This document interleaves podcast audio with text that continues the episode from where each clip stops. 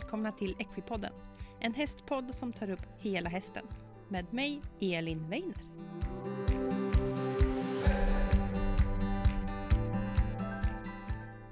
Hej alla Equipodden-lyssnare och välkomna tillbaka till Equipodden. Onsdag och ett helt nytt avsnitt och i den här veckan så får vi träffa Frida Treskov. Och Frida, hon är advokat och eh, jobbar med sin egna byrå, Treskov Partners. Men hon har nämligen en specifik inriktning och det är på häst. En gång hästtjej, alltid hästtjej som vi brukar säga. Och Frida hon har varit med i tidigare avsnitt av Veckopodden och det var då nummer 43. Och då pratade vi mycket vad man ska skriva i avtal när det kommer till att köpa häst, hyra häst, eh, medryttare och att stalla upp en häst. Eh, men i det här avsnittet så har vi valt att fokusera på två saker. Och då har vi valt att fokusera på avtal när det kommer till samarbeten och avtal när det kommer till sponsring.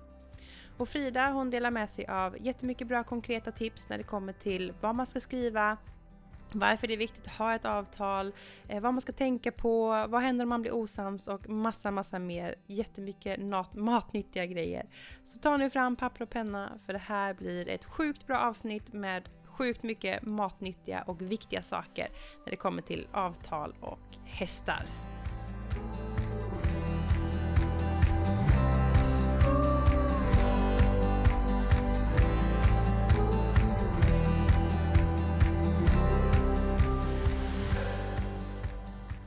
Då hälsar jag välkommen Frida Treskov.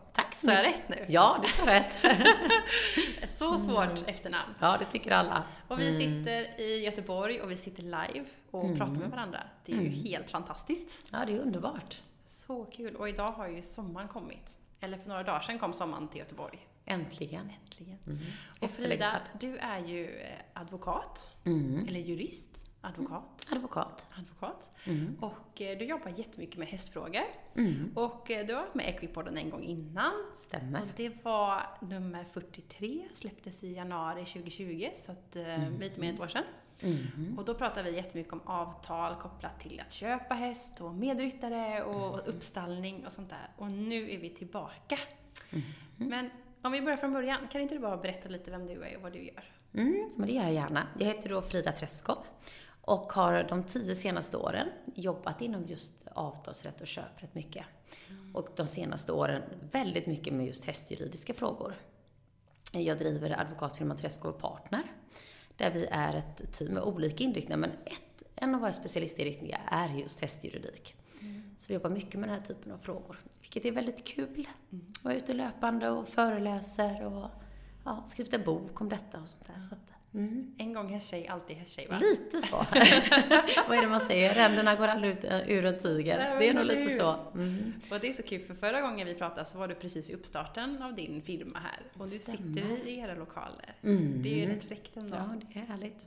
Jag tror att eh, jag hade precis startat bara några dagar innan du och Ja. jag träffades sist. Det var det. Så ungefär, snart ett och ett halvt år sedan. Det är häftigt. Mm. Fantastiskt. Och idag då så ska vi fortsätta prata om sådana här saker när man eh, kommer till avtal och sånt och då är det ju superbra att ha en advokat som har full koll på det här. Och vi ska ju fokusera lite på avtal när det kommer till samarbeten och sponsring. Mm. Eh, tänkte vi, så får vi se vad vi hinner med också i slutet här. Men det, det är tanken i alla fall. Och vi kan ju börja prata lite om eh, samarbeten då. Mm. Och då Frida kan väl du göra lite bakgrund kring vad, vad för typ av samarbeten och det här med att skriva avtal liksom. Absolut. Eh, när man pratar om samarbeten, när du och jag började prata om detta, så ett samarbete kan ju se ut på väldigt många olika sätt. Eh, ett slags fodervärdsavtal är ett form av samarbete. Man har någon annans häst och rider den. Man kanske har ett samarbete att man äger en häst tillsammans, som man kan, kanske ska sälja eller ska ha kvar. Eh, och man kan även ha ett samarbete där man blir sponsrad med en häst till exempel, eller man har en häst för försäljning. Så ett samarbete kan ju se ut på ganska många olika sätt. Och det är väl den delen som jag tänker framför allt på när det gäller just med en häst. Eh, man kan ju bli sponsrad med en häst också. Och det ska vi prata lite mer om idag i alla de här situationerna, vad man ska tänka på. Eh, och sen kommer vi även prata om sponsring, vad som gäller då, vad man ska tänka på då när man får saker eller ekonomisk ersättning för att liksom göra en form av prestation, en exponering för ett företag. Precis. Och grunden i det här är ju ändå att göra ett avtal.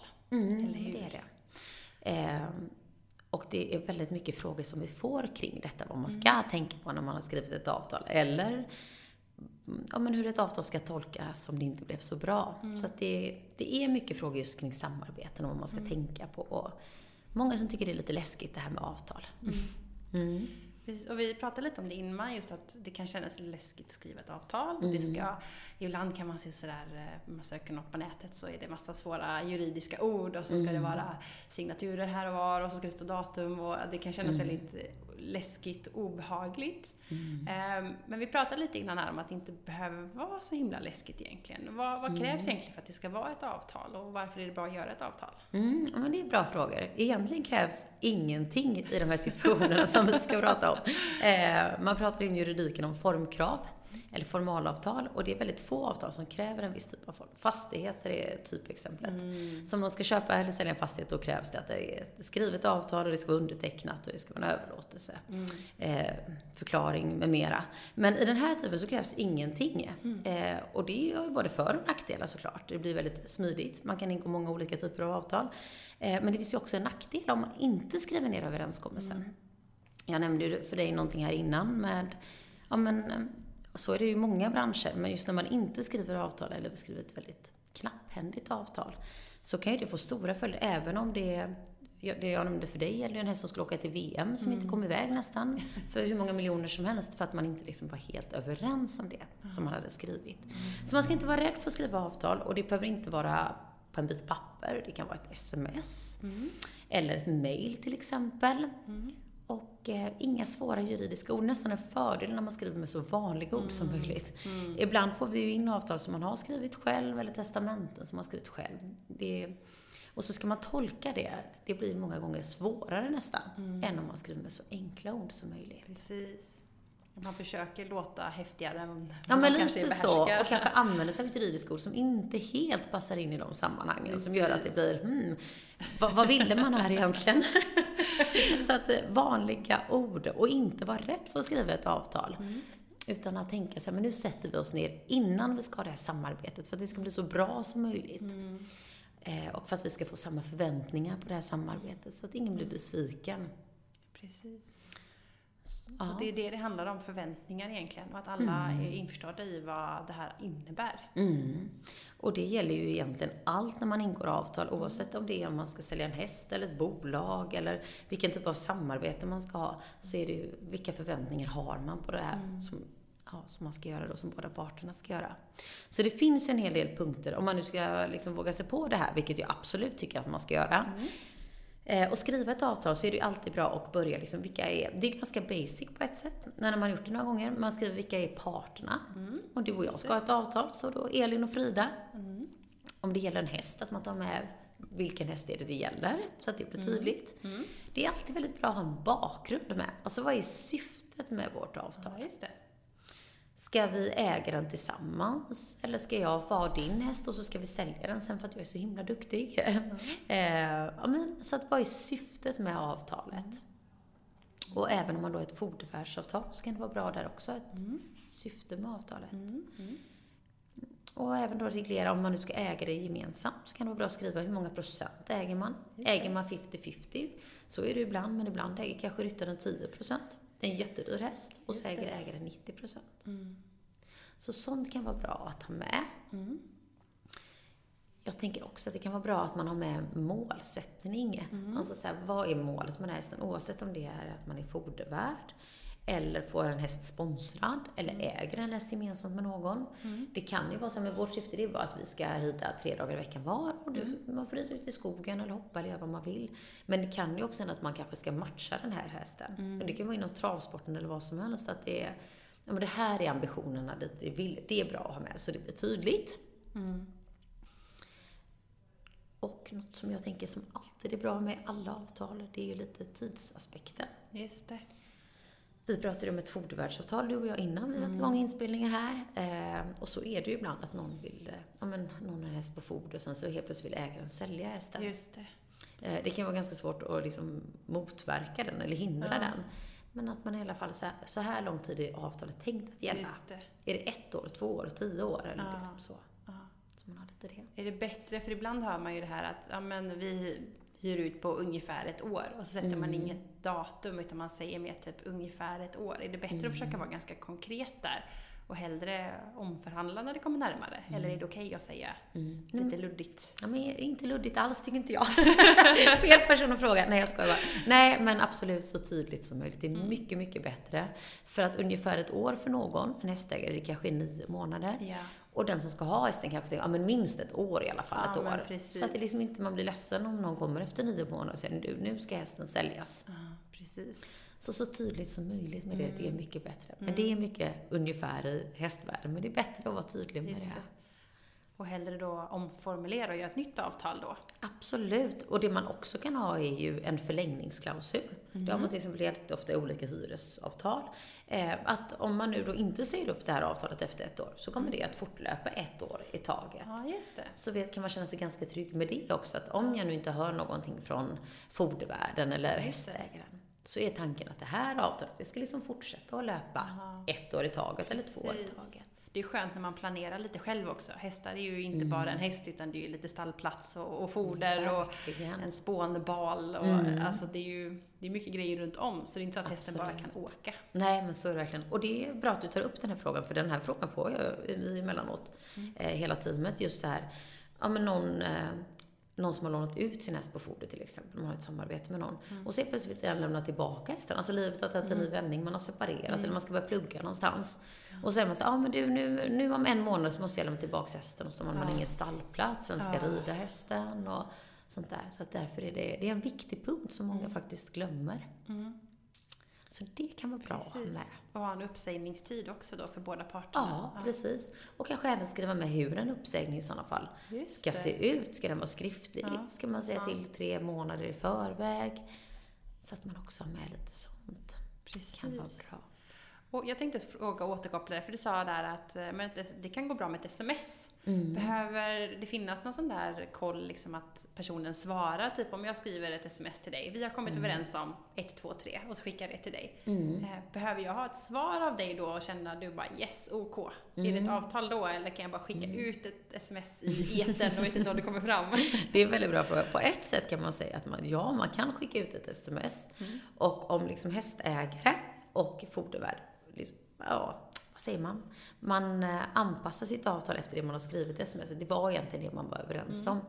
Då kan ju det sms visa på, men titta här, vi följde ju precis det här sms. Det. Ja. Men, men det är klart, ska man liksom ge ett råd i den här frågan så ska man väl absolut skriva så här, vänligen återkomma ett OK, eller snälla kan inte Ja, du bara bekräfta precis. att detta är vår överenskommelse? Ja. Så det bör man absolut göra. Men det finns situationer där man kommer sen med ett sms och säger, men titta här, det var ju det här vi var överens det. om. Och hästen levererades ju ändå enligt det här och jag har betalat precis. enligt det här. Så att även det här villkoret borde gälla. Mm. Men, men bra, bra att du tog upp det, för det är väldigt enkelt att bara säga, Mm.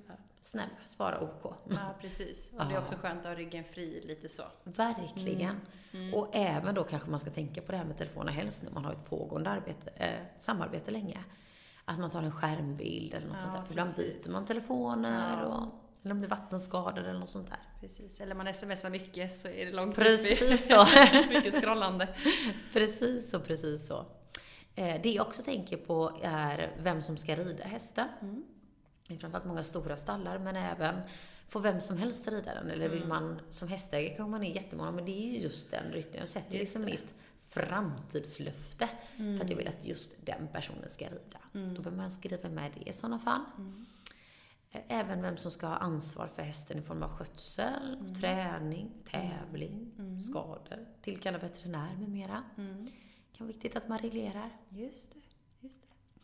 Sen någonting som många gånger ändå blir ja, men lite konflikter mellan, det är ju kostnader. Mm. Vem som ska stå för vi- vissa, vilka kostnader och vissa kostnader. Så det bör man ju skriva. Och där tänker jag också, har man, då ett, har man på foder blir det ju oftast ganska enkelt. För att Mm. då står man ofta för ja, men hästens samtliga kostnader. Men om man äger en häst tillsammans, Mm, äger man precis. 50-50, då delar man många gånger 50-50 på kostnaderna.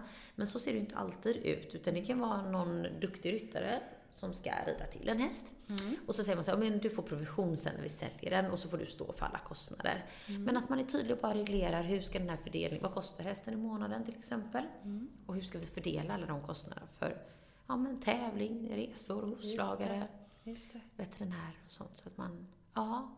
Och kan det är liksom bra att skriva in det. Ja, det tycker jag absolut att man ska göra. Mm. Så slipper man också komma sen att, ja men du har inte betalat den delen, utan då... Ja. Ja, och sådana fall finns ju en hel del. Där man inte var överens eller där man tycker, ja men 10 000 kan det väl inte ha kostat i månaden. Och Du hade ju eget stall och sånt där. Utan man sätter sig ner från början och säger, men det här, det här uppskattar vi. Sen kan vi justera detta lite. Mm. Och det kan jag väl säga också nu, det här med justera, för det får jag frågan i många olika avtalssammanhang, inte bara när det kommer till häst.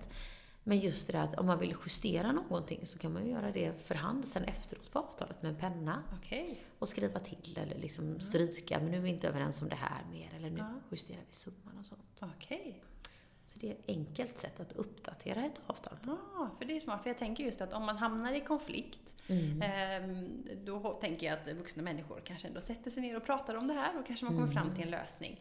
Och då behöver man alltså inte göra ett helt nytt avtal, utan det räcker Nej. att ändra. Mm, Det är så är det. smidigt. Ja, men många tycker att det är smidigt. Helst om det bara är en, något mindre villkor. Och det finns Ja, ju inget krav alls att man måste uppdatera, men till exempel med kostnader eller sånt där.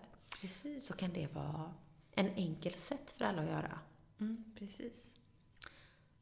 Och om man tittar då på ett, ett, några samarbetsavtal, om man tittar lite mer konkret, Mm. så har vi nämnt lite grann det här med att eh, äga en häst tillsammans. Mm. Eh, lite vad man ska tänka på. Eh, vi har också tänkt lite på fodervärd. Men om, har du några fler tips kopplat till, om vi säger Mm. börja med äga häst tillsammans. Är det Mm. några konkreta punkter som är bra att Mm. de här ska man tänka lite extra på? Och det här skulle jag säga är viktigt oavsett vilket samarbete man har, så är det försäkring. Ja. För att många gånger så är det att en häst blir skadad. Alla vet hur ofantligt mycket pengar Ja. det faktiskt kan kosta eh, om man inte har försäkring. Alltså det, är- ja, men, det är ju 40, 50, 60 tusen kronor ganska enkelt Ja. om man behöver göra någonting. Själva försäkringen kostar ju ganska mycket också. Och absolut, och helst, desto dyrare hästen är om man ska ha så här livvärdesförsäkring, Ah. kostar jättemycket. Så, men försäkring bör man verkligen reglera. Alltså, vad ska veterinärvårdstaket vara? Vilket belopp? Hur ska vi fördela kostnaderna om det är utöver veterinärvårdstaket? Mm. Så det tänker jag oavsett om det gäller att man har en häst hos sig. Många gånger blir man ju jätteglad också, som ung satsande ryttare. Mm. Och så säger någon som, vet du vad, du får rida den här hästen och så får du provision sen. Så blir man jätteglad och tänker på, wow. Då är det ju bra att tänka att, ja men ändå skriva ner det här. Vad, vad händer med försäkringen? Mm. försäljning och sånt där. Mm. Så försäkring är superviktigt. Mm. Eh, försäljning är viktigt. Ja, det. Det nämnde vi också innan, innan vi satte igång här, just vad händer om någon vill sälja hästen? Mm. Eh, och där är det ju precis samma sak där, hur, vad, vilket pris ska hästen säljas till? Mm. Eh, om, jag nu, om vi nu äger en häst tillsammans, eller jag har en häst hos mig, då, där kan det vara bra med bakgrund om en häst, det här samarbetet kanske går ut på att vi ska toppmatcha den här hästen och så ska vi Just tjäna det. så mycket pengar som möjligt. Ja. Men oavsett i alla fall att försäljning, ska den säljas till marknadsvärde? Vad gör vi om vi inte är överens om vad marknadsvärdet är? Mm. Du kanske vill ta en oberoende person som gör en värdering och jag kanske vill ta en oberoende person. För om jag vill köpa hästen, då vill jag att den ska vara värd så lite som möjligt. Mm. Och vill du sälja hästen så vill du många gånger ha så mycket som möjligt. Exakt. Så det är ändå någonting som kan vara bra att tänka på hur man gör en värdering Mm. av. Mm. Mm. Och även, måste vi vara överens om vi ska sälja hästen? Vad händer om man inte är överens? Den frågan får jag många gånger. Att man äger en häst och så har allting varit jättebra. Vilket oftast är när man väl ingår ett avtal. Liksom Ja, man har precis. stora ambitioner och tycker att man har lika syn på saker Ja, och sätt. solen skiner. och- Solen skiner en dag som denna. Ja. eh, och sen så slutar solen att skina. Nej men skämt åsido. Sen så är man inte överens längre. Mm. Och vad tusan gör man då? Mm. Då är det faktiskt så här att om man verkligen inte kan komma överens, eh, och det kan ju vara en häst som kostar 50 000 eller Mm. 5 miljoner, då finns det en lag som heter lag om samäganderätt. Mm. Det innebär att då kan den personen som vill sälja hästen vända sig till tingsrätten Mhm. och säga som så här, vi är inte överens, vi äger den här hästen tillsammans. Det är inte ovanligt när det kommer till fastigheter, men den här gäller även på hästar. Mm. Så vi, jag vill att den ska säljas. Mm. Och då utser tingsrätten oftast en advokat, Mm. som kallas för god man då, Mm. som har rätt att sälja hästen. Det är som en slags tvångsförsäljning. Mhm. Och det blir många ganska chockade över när det väl inträffar. Så det är alltid sälj, den som vill sälja som liksom har eh, Ja, som i sådana fall... eller fram. Ja, och det är ju egentligen en sista åtgärd. Det bästa är att man kan försöka komma överens. Mm. Men om man inte kommer överens, och då säljs hästen på offentlig auktion och det kanske oftast inte är det bästa. Många gånger kanske man vill liksom vara mån om var den hamnar ja, någonstans. precis. Det kanske är lättare att få upp priset lite om inte en god man som kanske inte kan någonting om hästar ska sälja den. Ja. Så att sånt kan ändå... Mm, det kan vara bra. Och även ska man då ha rätt förköpsrätt. Mm. Ja, just det. När det kommer till fodervärd och så. Mm, Vad innebär det då? Ja, men det innebär i sådana fall att man skriver in att om hästen ska säljas, antingen om det är ett fodervärdsavtal eller om man samäger ett, en häst, så ska den ena parten då ha rätt att köpa, ha förköpsrätt på hästen. Alltså en förtur att köpa hästen. Och där kan man också skriva då, är det något speciellt pris man ska ha rätt att köpa den för? Eller är det marknadsmässigt pris? Någonting som är viktigt, för man, ibland äger man en häst eller har samarbete med att man har, ska sälja en häst åt någon annan, lite beridare. Eller att man förmedlar ett köp för någon, det är inte helt ovanligt. Eh, och så har man det samarbetet och så får man en provision när hästen säljs. Ja. Och det vet många inte om. Men om det är en privatperson då, vilket det många gånger är som man förmedlar det här köpet för. Just det. Eh, och så är man själv professionell då förmedlar det, så man har ett bolag, det kan vara en enskild firma. Ja. Då är man solidariskt ansvarig mot en köpare om det blir fel på hästen. Jaha. Och säg då att man har sålt en häst för kanske 200 000 och så har du fått 40 000 i provision. Och så är allting guld och gröna skogar och så går det ett halvår. Och så kommer köparen och säger nu är det fel på det här, jag vill ha tillbaka alla mina pengar. Ja, det. Eh, Det kan man ju skriva med då, att eh, ryttaren eller förmedlaren inte ska behöva vara ansvarig gentemot den här. Ja, känns som en viktig sak att skriva in. Väldigt viktigt och väldigt många på hög professionell nivå som inte har stenkoll på det. Nej. Och det tänker jag, det drabbar ju alla oavsett. Ja. Har du bara en provision på 10-20% och så blir du skadeståndsskyldig för alla kostnader man har haft och sånt där. Ja. Liksom det, Det går man ju inte runt på som företagare. nej, ja, men det är- kan ju bli ett jättestor eh, ekonomisk eh, ja, grej. Så det bör man ju i sådana fall skriva med, tänker jag. Verkligen. Och eh, ja, men avtalstiden har varit inne på uppsägningstid, hur den ska ske. Och eh, sen kan man, ja men det kan vara bra, det är framförallt dyrare hästar som man kanske använder sig av skiljer. Men i alla fall så är det ju så, hamnar man i tvist så är det domstol i slutändan som, Mm. som får avgöra tvisten om man verkligen inte är överens. Ja, ja. Mm. Och skador skapar mycket problem, men det, så är det ju med de här djuren. ja, Mm. det är ju inte, inte för inte som mycket sådana här skojvideos här man bubbelplastar in hästen. Nej, precis. Ja, det går fort. Det går väldigt fort. Det är väldigt ömtåliga djur och Verkligen. Men då har vi pratat lite om att äga tillsammans och tänka på procentmässigt och så fodervärde. Eh, Mm. Det tror jag många känner igen. Men att bli sponsrad med en häst, vad innebär det? Mm. Ja, men det innebär egentligen, och det kan se ut precis hur som helst, men många gånger då så är det en hästägare som tycker att ja, men det där är en duktig ryttare, jag vill sponsra den med en häst. Just det. Och då kanske det kan vara så att ja, men du får 10% av den här hästen mot att du står för alla kostnader. Eh, eller så står hästägaren för alla kostnader. Det beror lite, ofta, många gånger på hur duktig ryttaren är och hur långt man har kommit. För en väldigt duktig ryttare tar ju betalt oftast. Ja. Eh, men, men det är inte ovanligt att man blir sponsrad. Och då bör man ju reglera också så här, ja, men ska hästen säljas sen så att man inte lägger ner hela sin själ i den här hästen. Mm. Och sen får man ingenting när den säljs utan så att man reglerar även hur, hur mycket ska jag få i sådana fall i provision till exempel. Just det. Och att man skyddar sig själv lite grann. Mm. Och det är inte helt ovanligt också med lite yngre ryttare upplever jag nog många gånger. Som får rida fina hästar och är jätteglada för det. Och så rider de och satsar liksom hela familjens pengar och engagemang i den här hästen. Och så går den jättebra. Och så kommer någon och erbjuder mycket pengar för den. Och så säger hästen, ja fast nu ska den säljas. Ja men skulle inte jag få provision? Eller så tar man hem hästen, det här är ju också en, vanligt, en vanlig grej. Man tar hem hästen. Så men, men nu avslutar vi det här, vi ska nog sälja den och sånt. Och sen så säljer man den efter en månad eller två. Och så tappar den som har ridit hästen kanske i två år provisionen. Så det kan man också skriva in i avtalet.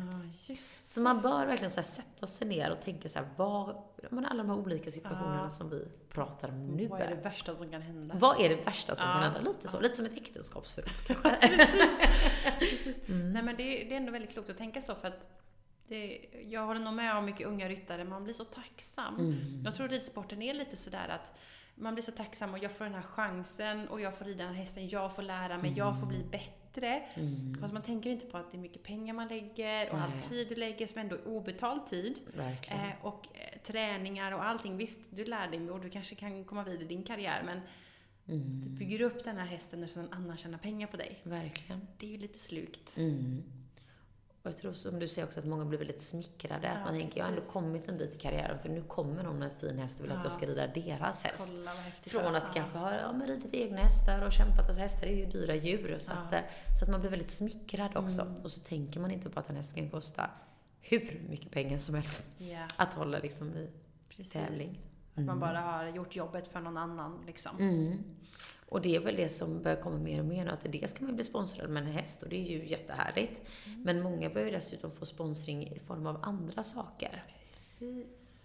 Det är också något som man ser mer och mer och mer utav. Yes. Och då smyger vi ju in lite på tema två här. Mm. Och det är ju just lite mer kopplat till sponsring. Mm. Eh, och avtal och sponsring. Och som sagt, man kan bli sponsrad med en häst, men man kan också bli sponsrad med mycket andra saker. Mm. Och just nu är det ju väldigt inne kanske många som drömmer om att kunna leva på sociala medier. Mm. Och man bygger upp och försöker kämpa upp eh, engagemang och allt vad det är. Och så kommer det ett företag och säger att eh, du, du kan göra 50 inlägg, två i veckan, i sex månader och så får du ett schabrak. Mm. Vad säger du då? Ja, det, den bilen tycker jag inte att man ska köpa sig in på kanske. Eh, Men om man ser på sponsring överlag så är ju det en form av det är ju ingen gåva, lite som du är inne på, utan det är ju en form av en prestation, en motprestation som ett företag vill ha. De ger dig någonting och de vill att liksom, i kompensation få exponering för sitt företag. Så så är det ju. Precis. Och generellt kan man väl säga att många unga människor kanske ska bli bättre att ta betalt av företagen, för att det är en fantastisk möjlighet. Säg till exempel att du är en ung ryttare och så har du 10-20 000 följare, 30 000 följare. Det är ju verkligen företagets direkta målgrupp många gånger. Så att man inte är, beredd, alltså man är inte rädd att ta betalt för det jobbet som man ändå ska göra. För det är ju som du säger, det krävs ju ett engagemang av de här unga för att men, hålla igång på sociala medier. Och eh, ja, många företag väljer väl en profil som de tycker om också. En ryttare som de tycker är ett bra, en bra förebild. Och så är det som du säger, mot det vill de ha. Liksom postade inlägg på Facebook eller Instagram eller... Precis. Mm. Och eh, när det kommer då till sponsring, eh, och det är ju så lätt att man går med, som vi har varit inne lite på, man kanske är lite naiv. Men eh, även där är det bra att ha ett avtal. Eh, Absolut. Säger ju, ju Frida. Mm, absolut. och vad ska jag tänka på då? då? Ja, ja, men det kan vara väldigt bra. Det som jag tänker på framförallt, och vi nämnde ju detta också lite nu innan vi kom in på det här. Eh, Nu var det en väldigt eh, duktig och framgångsrik ryttare, men just det, vad ska själva vad, ska, vad är förväntningarna på det här samarbetet? För att man ska få ett sånt bra och långsiktigt samarbete som möjligt med företaget så är det väldigt bra att företaget har rätta förväntningar och jag som ryttare eller hästägare har rätta förväntningar. Eh, så, att avtal, så att avsikten, vad är syftet med det här? Jo, du ska göra fem inlägg på ett halvår till exempel. Och för det får du x kronor till exempel. Eh, så att vad är avsikten? Vad är syftet med detta? Vilka är parterna? Hur ska det här samarbetets utformning se ut? Du ska du behöva, behöva, i tanken att du ska vara på en klinik med där och medverka. Nu pratar vi mycket om sociala medier för att det har kommit så mycket, men det kanske fortfarande är att eh, häst på hästens schabrak ska det här företagets namn få vara, eller transport. Så att det är tydligt, så att inte företaget sitter där sen och tycker, men åh, nu har ju någon annans namn. Nu sponsrar ett gym henne till Ja, exempel. Precis. Så att man är överens om det. Ehm, ja. Ersättningen, vad den är och även avtalstiden. Hur, lång, hur lång, och det är också skönt för en, eh, men både, som, både för företag och för ryttare, om vi utgår från ryttare, och det kan ju vara en kusk eller vad som helst, att man vet hur lång tid ska det här avtalet Just löpa. Då är det också lättare kanske att skapa engagemang om man vet ju, men jag ska ändå få vara deras ansikte utåt nu ett halvår eller ett år. Mm. Mm. Så det tänker jag är viktigt. Just det. Mm. Och skriva ner. Och skriva som vi har varit inne på. Absolut. Och det här med motprestation, Mm. eh, det är ändå viktigt att tänka på det att eh, företaget eh, kontaktar ju inte dig eller du får kontakt med ett företag för att det är roligt Nej. och för att företaget tycker att du är så himla bra, utan de vill ju oftast ha någonting tillbaka. Mm. Eh, vad ska man då tänka på? Liksom, vad är realistiskt? Vad är inte? Eh, hur ska jag kunna förhålla mig till det här man tycker det här stora företaget? Liksom? Har du några tips och tankar om det? Mm. Kopplat till motprestation då. Ja, och det är ju en väldigt bra fråga som jag tror också kommer utarbetas lite över tid. För det här med sociala medier är fortfarande förhållandevis nytt om jag jämför med tidigare. Verkligen. Alltså innan så utgick sponsring mycket från att ja, men stora företag liksom sponsrar idrottsarenor och ja, men, eller enstaka idrottsstjärnor, säg till exempel som H&M och allt sånt där. Men i och med att det även blir mindre, alltså mindre profiler i alla fall, idrottsprofiler precis. överlag, där är det inte riktigt samma transparens heller med priser. Man inte, vad tar någon annan? Så dels att man börjar prata, är man nu ett team som brider kanske, att man, om man vet att någon är sponsor, kan man fråga men du, vad får du för att, för att göra Just detta? det. Och att man eh, även ser till, ja, men så här, att man ser det lite som en business. Det tror jag Mm. överlag i idrottsvärlden att man måste se. Vad får företaget när de kontaktar mig? Hur Mm. många når jag ut till? Och vad kan jag bidra med? Och Mm. hur är det verkligen, alltså bara få ett schabrak och göra tio inlägg, nej men är det verkligen värt det för mig? Mm. Eh, jag skulle säga att det oftast inte är. Precis. Så att det blir någon slags marknadsmässig... Ja, eh, för om alla bara tar emot saker gratis, då kommer ju aldrig något företag att betala för det Nej, heller. exakt. Och jag tänker även för företagen att det är bättre att ge marknadsmässig ersättning för att de får ju oftast en helt annan kvalitet tillbaka. Mm. Och som företag kan man ju också kanske bättre välja någon som man tycker verkligen är en bra förebild än att man bara skickar ut eh, till allt och alla. Det. Eh, Det pratade vi också lite här innan vi började spela in podden, men just även att som företag behöver man kanske ha ett hållbarhetstänk lite Mm. mer. Mm. Där man vet att men den här ryttaren som jag ska skicka det till, den vill faktiskt ha detta. Det är Just ingenting som det. bara läggs hemma på hyllan. Just det. Så att man inte heller bara tar emot för Mm. taga emotandets skull, utan man ser till att det är saker som kommer användas också. Mm. Mm. Precis så. Det ett bra tips. Ja. Och även tänker jag med som ryttare, Mm. om man nu inte är en av de mest liksom, framgångsrika ryttarna, att eh, det kan vara väl värt att skriva, kontakta själv företag. Mm. Om man nu inte är en av dem som, eh, ja, men som blir sponsrade av de här största företagen, så kan man kontakta egna företag, skriva och berätta lite om sig själv och vad man kan bidra med. Mm. Kontakta till exempel lokala företag. Många gånger tror, eh, man ska inte bara säga yngre ryttare, för det är det inte, utan det är ju på alla nivåer som man blir Mm. sponsrade. Men att det måste vara ett hästföretag. Men ser man på sponsorer, till exempel så Gina Tricot, H&M, Agria, så Just kan ju det det. vara vilket företag som helst egentligen som går in och tycker att det här är en bra person. Och, och inom sporten är det också ganska tacksamt för många företag att synas. Mm. Eftersom sport oftast drivs av ja, bra värderingar och liksom Mm. värderingsgrunder och sånt. Mm. Att våga kontakta lite själv. Ja, det tycker jag verkligen.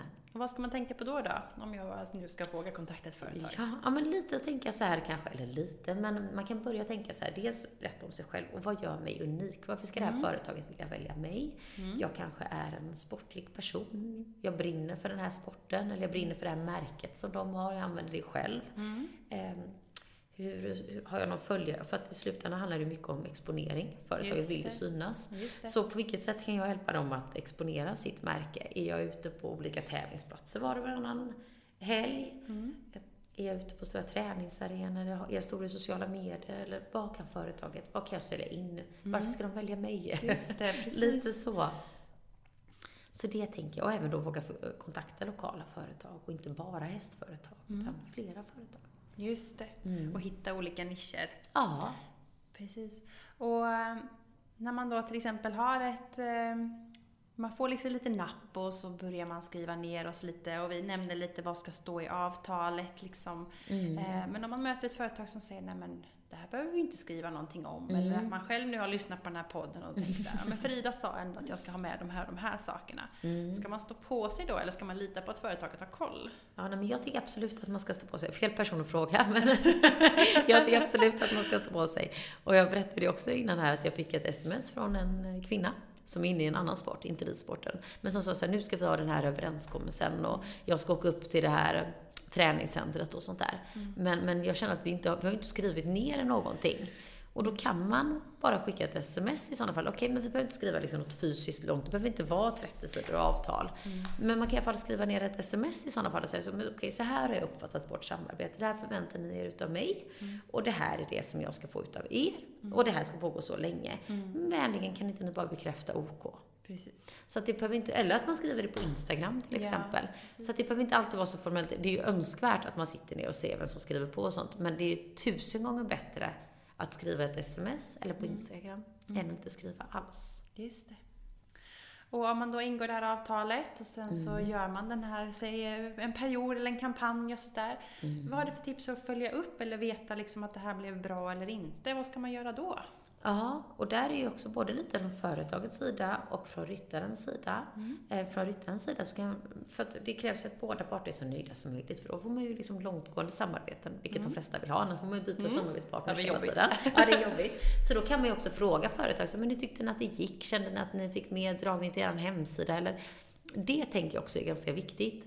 Eh, För det ena är ju så här, vad kan jag bidra med till er? Mm. Men vad är viktigt för er också? Vill ni ha mängder som kommer in på era nya hemsida till exempel? Mm.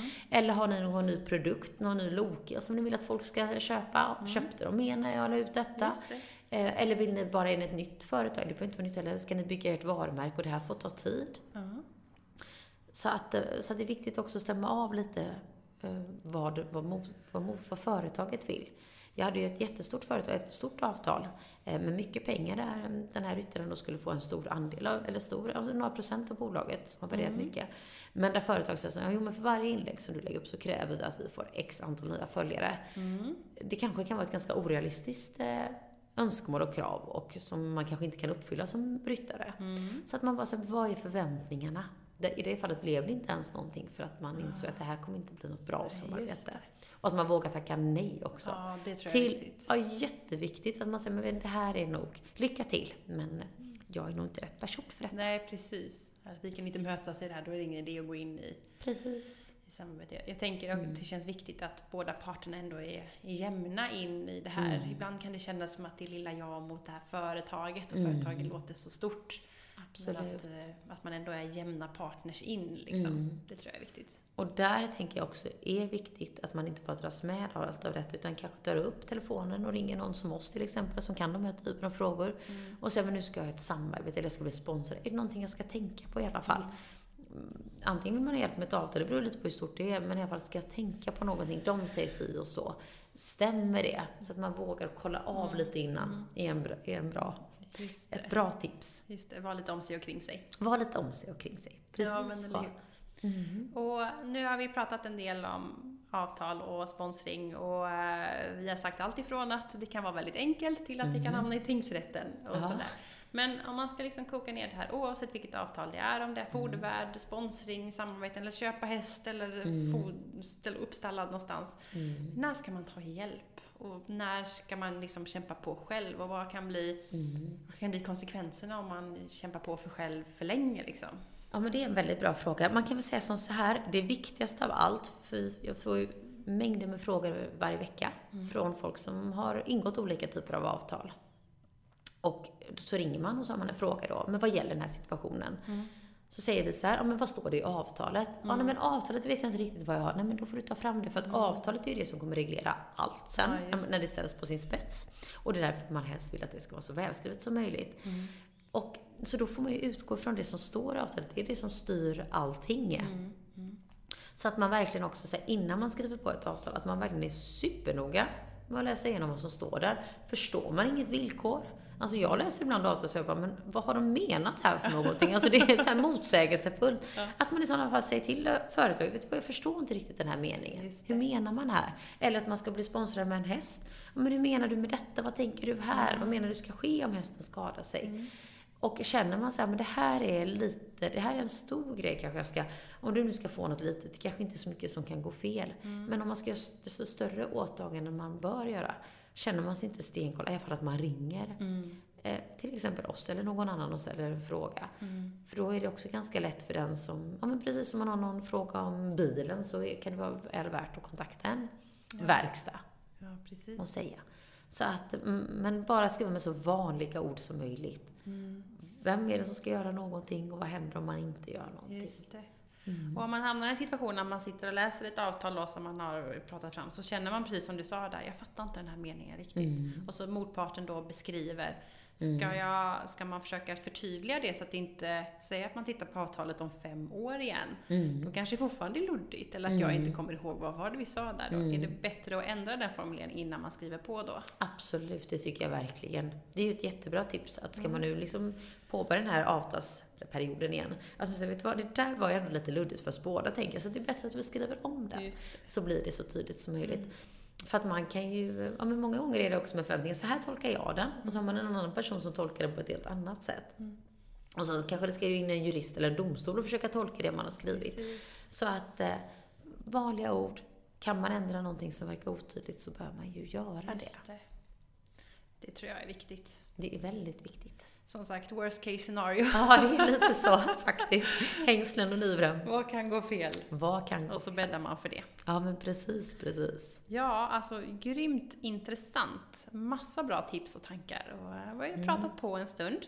Och jag tänkte att vi skulle gå vidare, för vi har också fått eh, en lyssnarfråga som vi kan hinna med här. Och då är det en tjej som eh, frågar om man äger ett sto till exempel. Och så säljs stoet, men man vill ändå känna att jag kanske vill ta föl på det här i framtiden. Eller jag vill kanske ha en avkomma på det här fölet. Kan man avtala om det när man säljer en häst? Mm, men det är en väldigt bra fråga som, eh, som man får emellanåt. Eh, och det som är fantastiskt är att det går att avtala om i stort sett vad som helst. det är underbart med avtal. Så det gör det. Men man bör också skriva så här, vad händer om jag inte fick lov att ta det där fölet på stoet som vi var överens om? För att många gånger, och det gäller ju med alla de här återgångsvillkoren, och till exempel att ta för i framtiden på stoet. Vad händer om hon säljer hästen vidare eller han säljer hästen vidare? Jag fick aldrig ta det där fölet. Så att man alltid, så fort man har ett villkor i framtiden, att man kopplar den till en vitesklausul. Där det står så här, om jag inte får lov att ta det här fölet i framtiden, då ska det utgå en ersättning om till exempel 80 000 eller 100 000 eller vad man nu tycker. Det blir också lite mer påtryckning. Alltså om man nu Just köpt det här stoet så kanske man sen tycker så, men åh, bara för att köpa det stoet så kan hon få ta ett föl, så det är inte så. Men sen så har man stoet där och så tänker man så här, nej men nu är jag inte så sugen på det, Nej, då ska hon jag är vara dräktig här och, tävlingar och- ja, mitt ja. i tävlingssäsongen och jag kanske bara vill sälja vidare och sånt där. Så att än en gång, att det blir tydligt från början. Och så fort man har något sånt framtida villkor så bör man försöka koppla den, helst i de här fallen, till ett vite. Liksom, vad händer då om någon inte håller sin del av avtalet? Just det. För det är också lätt att säga, säga att hästen flyttar långt bort och säger man hej du nu vill jag ta det där fölet eller kan jag ta det där snart? Och då säger ägaren bara nej. Då, sitter, då, då är det inte så mycket att göra, eller hur? Precis så. Precis så. Då hamnar man i en ganska jobbig situation. Och det är inte ovanligt som du säger heller. Helst om man håller på och tävlar en massa, då är man sugen på att den hästen ska gå och vara dräktig Nej, då tappar man ju ett en år. herrans massa ja, månader. Så är det ju. Och även tid därefter och allt sånt. Så att nej, Precis. det bör man reglera tydligt. Men det går att skriva allting. Tänker. Och det gäller också, du nämnde där om man säljer vidare. Mm. För det kan man höra ibland sådär att eh, man är så mån om hästen och man kanske har fött upp den själv och vill veta vart den hamnar och sådär. Mm. Kan man avtala sånt också? Man inte får sälja hästen hur som helst. Absolut, och det gör mängder. Och det de flesta glömmer det att man ska koppla den. Nej, jag ska inte säga så. Men man ska koppla det också till ett vite då. Så att eh, om hästen i framtiden ska säljas så vill jag först, liksom en slags förköpsrätt Ja, det. på hästen. Men om den säljs då mo- mot det här villkoret så ska det utgå ett vite då Ja, på det. x antal kronor. Så att man reglerar vad som händer. För att det händer emellanåt att man har det här villkoret. Mm. Den som köpte hästen kanske har tappat bort avtalet, det var fem år sedan. Mm. Och så säljer man det vidare eller så. Och det är också någonting man bör reglera i sådana fall. Vad, hur mycket ska man få köpa tillbaka hästen för? Just det. Den kanske har gått upp jättemycket i värde. Är Mm. det marknadspris? Eller har man... Jag hade ju en som nu som... eh, Ja, det kan ju bli tvister av allting. Där man hade gett bort hästen för att den skulle få det bra. Ja, just det. Så vad ska gälla då? Och så gör man ibland. Och det kan ju vara en jättefin tävlingshäst. Men emotionellt så tycker man, men där ska hästen vara. Ja, precis. Så vad händer sen om den ska säljas kanske vidare? den säljs igen, ja. Ja, för jättemycket till exempel. Ja, så att man bara är noga och tänker, lite som du säger, worst case scenario. Ja, just det. Och om det står en sån här sak i, i avtalet, antingen köpa vidare eller sälja vidare eller eh, förköpsrätt eller ta föl och sånt där. Och så är det ändå så att hästen säljs eh, och så är ändå den, om man säger den första ägaren involverad. Skrivs det in i det nya avtalet också då så att den nya köparen måste också godkänna det? Mm. Det är ju optimalt, men det händer väldigt, väldigt sällan. Mm. Men det är ju det absolut optimala. Ska man göra det rätt, enligt konstens alla regler, då ska man ju göra så. Då ska man ju visa den här som köper, alltså säga Mm. vet du vad, så att du vet om nu, så har jag lovat att den tidigare ägaren ska få köpa. Så att om vi alla godkänner detta så ska du nu ta över och så skriver vi in det här Just villkoret. Det är ju det optimala. Mm. Problemet blir många gånger när den här som har köpt hästen skiter i det villkoret som står där. Mm. Säljer vidare och så står det någon stackars säljare där långt tillbaka och tycker men det var min Ah. älsklingshäst, varför fick jag det? Jag skulle få köpa tillbaks hästen. Mm. Och så kan man inte riktigt göra någonting. Så Nej, just det, för då är det borta i nästa avtal. Ja. Som man inte hade någon överenskommelse med. Just det. Och hade man skrivit inviter då, då hade man i alla fall kunnat... eh, Ja, och inte bara... någon. Ja, ja, men så är det. Dels hade man ju kunnat liksom få en ekonomisk kompensation. Men det nästan viktigaste med viten, det har man till exempel många entreprenadavtal när de ska utföra ett arbete. Ja. Så säger man så här, om inte detta är färdigt vecka liksom fem, då kommer det utgå ett vite med så och så många procent. Precis. Eller som det blir en påtryckning med att man Ja. kanske inte säljer hästen vidare om man ska betala 100 000 i Nej. skadestånd, eller hur? Eller Så hur? att liksom det är, ja, i preventivt syfte att man inte ska hamna där. Precis. Det är lättare att komma ihåg då. Det är mycket lättare att komma ihåg då. Konstigt. Ja, väldigt konstigt Ja. va? Ja, vad härligt. Då fick vi svar på den frågan också. Ja. Och nu börjar det ju närma sig slutet här. Nu har vi pratat en bra stund. Mm. Och eh, jag tänkte att jag skulle fråga, för jag har ett tema i Equipodden varje år med en fråga som alla mina gäster får. Och eh, det här har jag inte förberett dig på, för det brukar Nej. jag göra. Eh, Vad spännande. men jag tänkte fråga dig, för att eh, årets tema är lite mental träning och mentalt mående. Mhm. Så jag tänkte fråga, du Frida som jobbar som en tok och har tusen järn i elden, vad gör du för att liksom klara av allting mentalt? Gör du någon mental träning eller någonting som du gör Mm. för att må bra mentalt? På Mm. Instagram får man ju se dina morgonpromenader med din lilla hund och Mm. sådär. När jag får med mig den lilla hunden, hon gillar inte de där morgonpromenaderna. Jag har nästan gett upp om klockan innan nio. Nej men absolut, jag är ute och promenerar väldigt mycket för att rensa tankarna. Träning, eh, träning överlag. Sen så har jag eh, historiskt, eller historiskt sett, men jag har lyssnat på väldigt mycket poddar, mycket med mental träning. Jag älskar allt den typen av, för att det är ju, eh, ja men livet kommer över oss alla ibland. Mm. Och att man lär sig att tänka positivt i de, Mm. ja men även i svåra situationer, att man försöker vända och se vad är verkligen problemet här och, Mm. Ja, du är ju en väldigt positiv person, måste jag säga. jag jobbar för att vara det i alla Ja. fall. Eller, Har du några tips då? Om man vill, eh, om man är, fastnar mycket i negativa tankar och man ser alltid, Mm. alltid bara svart och allt blir bara dåligt hela tiden. Mm. Hur kan man försöka se det positivt då? Ja, men en enkel grej som låter jättebanal, som jag testar ibland, eller som jag gör ibland, det är ju det här bara att man liksom lurar hjärnan. Mm. Så till exempel, som jag har gjort massa testat, om man bara ler mycket, även om man känner sig som skit, men så ler man ändå, då börjar hjärnan tro sig, men hon kanske ändå mår ganska bra. Ja, det. Så det kan jag ibland när jag känner att men nu är det skit, då tvingar jag mig själv att le. Så här, kanske ändå är ganska Ja, gott just ändå, livet. Så det är väl en sak. Sen så jättemycket med tankar, alltså bli medveten om vad man tänker. Mm. Så när de här negativa tankarna kommer, som det gör på oss alla, Mm. att då brukar jag tänka så men nu ska jag tänka tre stycken positiva tankar som liksom Mm. motbevisar den tanken. Så tänker jag så här, ja, fast jag klarar nog inte det, eller jag är nog lite nervös. tänker så här, nej, det här kommer gå skitbra. Är det någon som klarar det så kommer jag. Ja, men du vet, så Mm. Ja, man peppar sig själv. Ja. För att oftast är man sin värsta fiende Ja. istället för att vara den som peppar en själv. Mm. Och de flesta har ingen som klappar en på axeln, så att ibland får man klappa sig själv lite på axeln och Just peppa sig det. själv. Och försöka omge sig med människor som, att man peppar varandra. Mm. Hitta liksom ett, eh, ja men någon kompis, alltså, men det här skulle jag vilja, kan inte vi peppa varandra? Och liksom, när jag känner mig nere, kan inte du? Ja, Just det. Vi peppa varandra lite? Ja. Sådana saker. Grymt bra tips.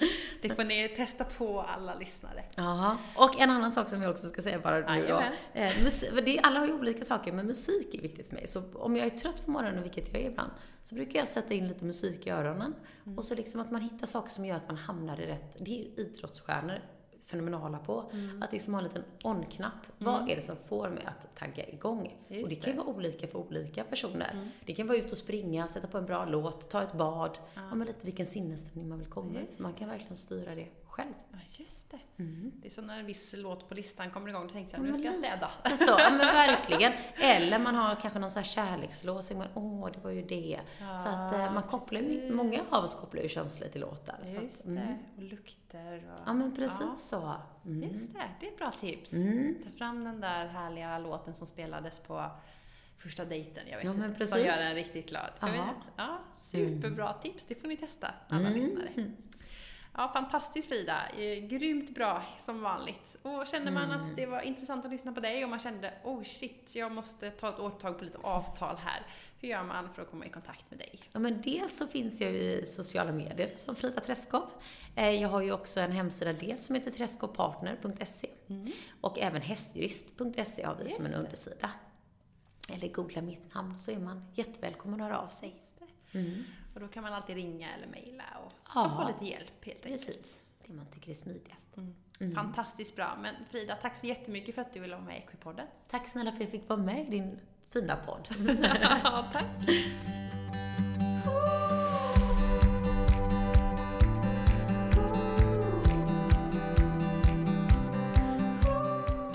Tack så mycket Frida för att du vill vara med i Equipodden och sprida din enorma kunskap som vanligt. Du är helt fantastisk. Kolla gärna in Frida då på sociala medier. Det är väldigt kul att följa henne i hennes vardag som kastas mellan hund och barn och eh, tingsrätt och eh, kontorsarbete och massa annat. Kolla gärna också in Equipodden på sociala medier. Då är det främst Instagram och Facebook som gäller. Där kan du vara med och påverka vilka gäster som är med i podden och vilka frågor jag ska ställa. Så där har du enorm makt över vad som ska dyka upp i Equipodden. Jag tänkte också avsluta med att tacka så jättemycket för att du har valt att lyssna på det här. Det gör mig oerhört varm om hjärtat och det är så många lyssnare och så många nya lyssnare så välkomna till er. Jättekul att ni vill lära er mer och utvecklas med allt det här som jag i Equipodden vill eh, få fram på olika sätt. Men eh, jag vill önska er en fantastisk vecka så hörs vi snart igen. Hej då!